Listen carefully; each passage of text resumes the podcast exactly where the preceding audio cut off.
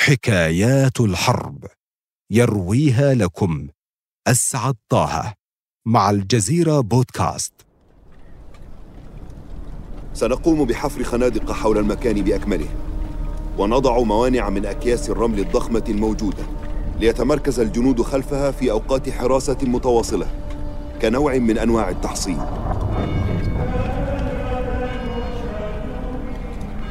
فعلا أنا لا أعرف كيف نجونا من تلك المعركة. كيف انتهى ذلك اليوم ونحن أحياء؟ صحيح أن كوينلاند قائد شجاع ومميز لكن يبدو أن نهايتنا ستكون في هذه المدينة. ربما لم تمر بكم هذه الحكاية من قبل. إليكم ما جرى. في عام 1960 رجل يدعى مويس شامبي يعلن استقلال إقليم كاتانجا عن الكونغو بدعم من المحتل السابق البلجيكي ليخلق حربا داخلية. من شأنها تعطيل مشروع الاستقلال. لكن لماذا إقليم كاتانجا بالذات؟ لأنه أرض الماس والنحاس والبلجيك يرغبون في الاستمرار في استغلال ثروات البلاد حتى بعد استقلالها. تمد بلجيكا رجلها الانقلابي المنشق بالجنود المرتزقة وأغلبهم فرنسيون. تقرر الأمم المتحدة إرسال قوات لحفظ السلام. تتحمس أيرلندا لأن تلعب دورا تحت راية الأمم المتحدة. تسند أيرلندا المهمة إلى رجلها. بات كوينلاند رغم أنه وجنوده لا خبرة سابقة لهم في الحرب. في ساحة عسكرية واسعة يجتمع القائد مع جنوده قبل سفرهم. أيها الجنود أدرك أنكم لم تخوضوا حربا من قبل. لذا أجد أنه من الضروري أن أشرح لكم مهمتكم. وأترك لكم حق الاختيار في المشاركة في المهمة أو الانسحاب منها. لقد منحهم القائد شرف حق الاختيار. تستمع المجموعة المكونة من 155 جنديا إلى حديثه. يسري التوتر بين الجميع. يتبادلون النظرات. ماذا نفعل؟ هل ننسحب من المهمة؟ لكن خطبة القائد حماسية وقوية بما يكفي لتقتل أي تردد أو خوف داخل قلب أي منهم. يحسم الجنود كلهم موقفهم ويقررون المشاركة.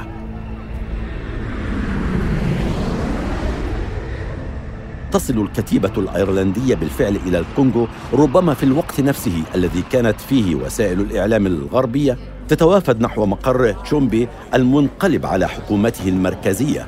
يقف أمامهم بابتسامة ماكرة ليدلي بتصريحه العجيب. إن الكونغو ترفض تدخل أي طرف خارجي في شؤونها الداخلية. وعلى الأمم المتحدة سحب جنودها من بلادنا حتى لا تكون العواقب وخيمة. لم تعبأ الأمم المتحدة بالتهديد. تحدد القوة الإيرلندية نقطة تمركزها. ترسلها إلى مقاطعة كاتانجا وتطلب منها التمركز في منطقة جادوفيل فيما تتمركز القيادة العامة لقوات الأمم المتحدة في إليزابيفيل عاصمة كاتانجا التي تبعد حوالي 130 كيلو مترا جنوب شرقي جادوفيل مما يجعلها نقطة دعم قريبة. عندما تصل القوة الأيرلندية إلى نقطة تمركزها تتفاجأ بأن المكان عبارة عن ساحة مكشوفة قريبة من حافة الغابة منطقة خربة بالكامل ولا تمتلك أي وسائل تأمين فلا أسوار لا موانع طبيعية يمكن أن تحمي الجنود. يستفسر قائد القوة عن الأمر. ترد الأمم المتحدة.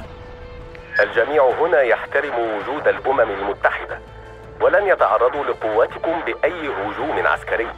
لذا فليس هناك سبب للقلق. لم تكن الإجابة وحدها هي الغريبة بل ما أقدمت عليه الأمم المتحدة من دون أن تقدم تفسيرا مفهوما. فقد تم سحب مجموعتين عسكريتين كانتا متمركزتين بالفعل قرب جادوفيل ليصبح الوجود العسكري التابع للأمم المتحدة مقتصرا فقط على الكتيبة الإيرلندية المكونة من ثلاثة آلاف مقاتل وفي مقارنة مع القوات المحيطة بها تجد نفسها في معادلة عسكرية. عشرون مقابل واحد فالتسليح الذي يمتلكه كوينلان لا ينبئ بأن المواجهة ستكون متكافئة فليس بحوزتهم إلا مدافع هون ومدافع رشاشة ومدافع مضاده للدبابات محمولة على الكتف وبنادق آلية خفيفة وجهاز لاسلكي واحد للاتصال. في حين يمتلك جيش المرتزقه إمدادات عسكرية تكفي جيشا كاملا بما في ذلك الطائرات العسكرية التي توفر الغطاء الجوي. سنقوم بحفر خنادق حول المكان بأكمله ونضع موانع من أكياس الرمل الضخمة الموجودة ليتمركز الجنود خلفها في أوقات حراسة متواصلة كنوع من أنواع التحصين. تلفت خطوة التحصين أنظار المرتزقة الفرنسيين الذين يقودون قوات تشومبي يستشعرون أن وجود الكتيبة الأيرلندية لن يكون سوريا. صبيحة الثالث عشر من سبتمبر أيلول. وبينما يبدأ الجنود الأيرلنديون بحضور قداس يتفاجأ الرائد جون مونهان بمجموعات ضخمة من مقاتلي شومبي متجهين صوبهم لشن هجوم عسكري ضخم. وسرعان ما يتوجه هو إلى أحد المدافع المثبتة فوق سيارة الجب وبدأ إطلاق النار على المجموعات المتقدمة. تبدأ المعركة الأولى. يشن المرتزقة هجوما بالرشاشات الثقيلة. يشكل عامل التحصين فارقا كبيرا بالنسبة للمجموعة الأيرلندية حيث وفر لهم الحماية فيما كان المرتزقة في جبهة مفتوحة. لذا وعلى الرغم من عددهم الكبير وأسلحتهم المتنوعة فإنهم يفقدون كثيرا من الجنود في وقت قصير. فعلا أنا لا أعرف كيف نجونا من تلك المعركة. كيف انتهى ذلك اليوم ونحن أحياء؟ ما هذا الذي يحدث هنا؟ لم تكن هذه هي المهمة التي جئنا من أجلها.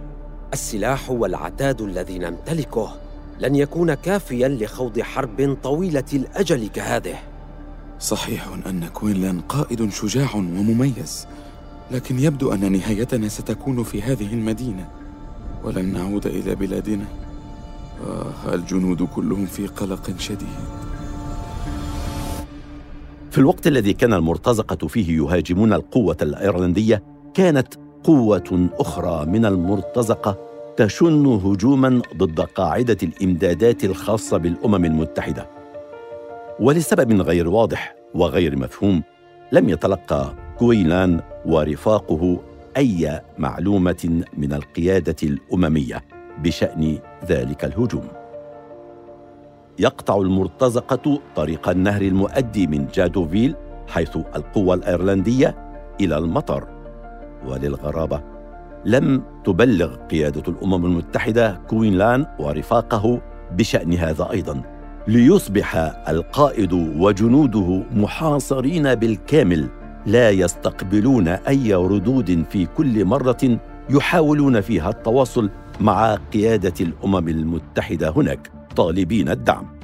لكنهم ومع ذلك يرفضون الاستسلام ويجدون فيه عارا ومذلة على الرغم من أنهم لم يدخلوا أي حرب من قبل ولا قبل لهم بتلك المواجهات. يتفاجأ المرتزقة ببسالة الكتيبة الأيرلندية وقوة تحصينها مما يجبرهم على التراجع ووقف عملياتهم العسكرية إلى أن يعاودوا الهجوم بعد يومين. لكن هذه المرة بعنف أشد وبدعم بطائرة مروحية تدمر كافة السيارات العسكرية التي تمتلكها المجموعة الأيرلندية. وكذلك المبنى الذي كانوا يقيمون فيه. لكن المفاجأة أن الهجوم وعلى ضخامته لم يقتل ايا من جنود الكتيبة الايرلنديه بل أصاب خمسة فقط. وفي المقابل ينجح كويلان ورفاقه في قتل ثلاثمائة من قوات المرتزقة.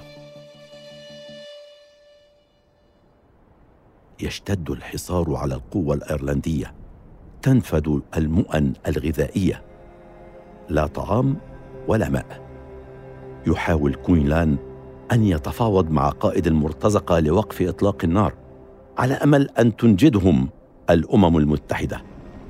تتحرك بالفعل طائرة يقودها ضابط نرويجي نحو المجموعة الأرلندية لتقدم لهم الماء.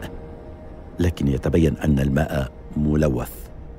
ومن بعدها لا تحاول قيادة الأمم المتحدة أن تقدم أي شكل من أشكال المساعدة والدعم بل تترك خط الاتصال مع كوينلان معلقا من دون رد. في اليوم الخامس من الهجوم ينجح المرتزقة في الاقتراب أكثر فأكثر من نقطة التمركز الأيرلندية. يصبح الحصار خانقا. يستمر رفاق كوينلان في التقوقع حول أنفسهم داخل التحصين المصغر الذي صنعوه. يستمرون في المقاومة بما تبقى لهم من ذخيرة إلى أن تنفد تماماً. لم يعد بحوزتهم طلقة رصاص واحدة من دون أن تمد لهم الأمم المتحدة. أي عون يصبح الاستسلام هو الخيار الوحيد المتاح. وبالفعل تستسلم الكتيبة. يزج بأفرادها في السجن لخمسة أسابيع إلى أن تنجح مفاوضات بالإفراج عنهم وتتم إعادتهم إلى بلدهم في أيرلندا. يستقبلهم الناس بألم وغضب شديدين باعتبارهم جبناء استسلموا للهزيمة ولم يسمع أحد لأي تفسير من قبل الكتيبة وقيادتها. تمر سنوات طويلة ويحل عام 2004 تتسرب وثائق عسكرية تكشف حقيقة ما وقع ويبدأ الكتاب والصحفيون المختصون بالكتابة عن الأمر.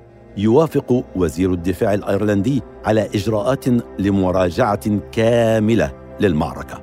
في عام 2016 وبعد التحقيقات التي قامت بها الحكومة الأيرلندية يعرف الجميع حقيقة الأمر وأن القوة الأيرلندية لم تستسلم إلا بعد أن نفدت ذخيرتها تماما ولم تتلقى أي مساعدة من الأمم المتحدة. يعلن تكريم قائد قواتها الذي توفي قبل سنوات ومنحه ميدالية الشجاعة على ما قدمه في تلك المهمة. هذا بالتأكيد خبر سعيد. الخبر الآخر.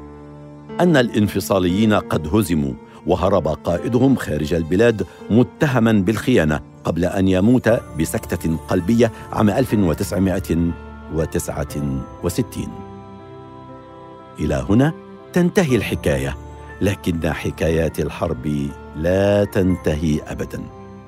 اسعد طه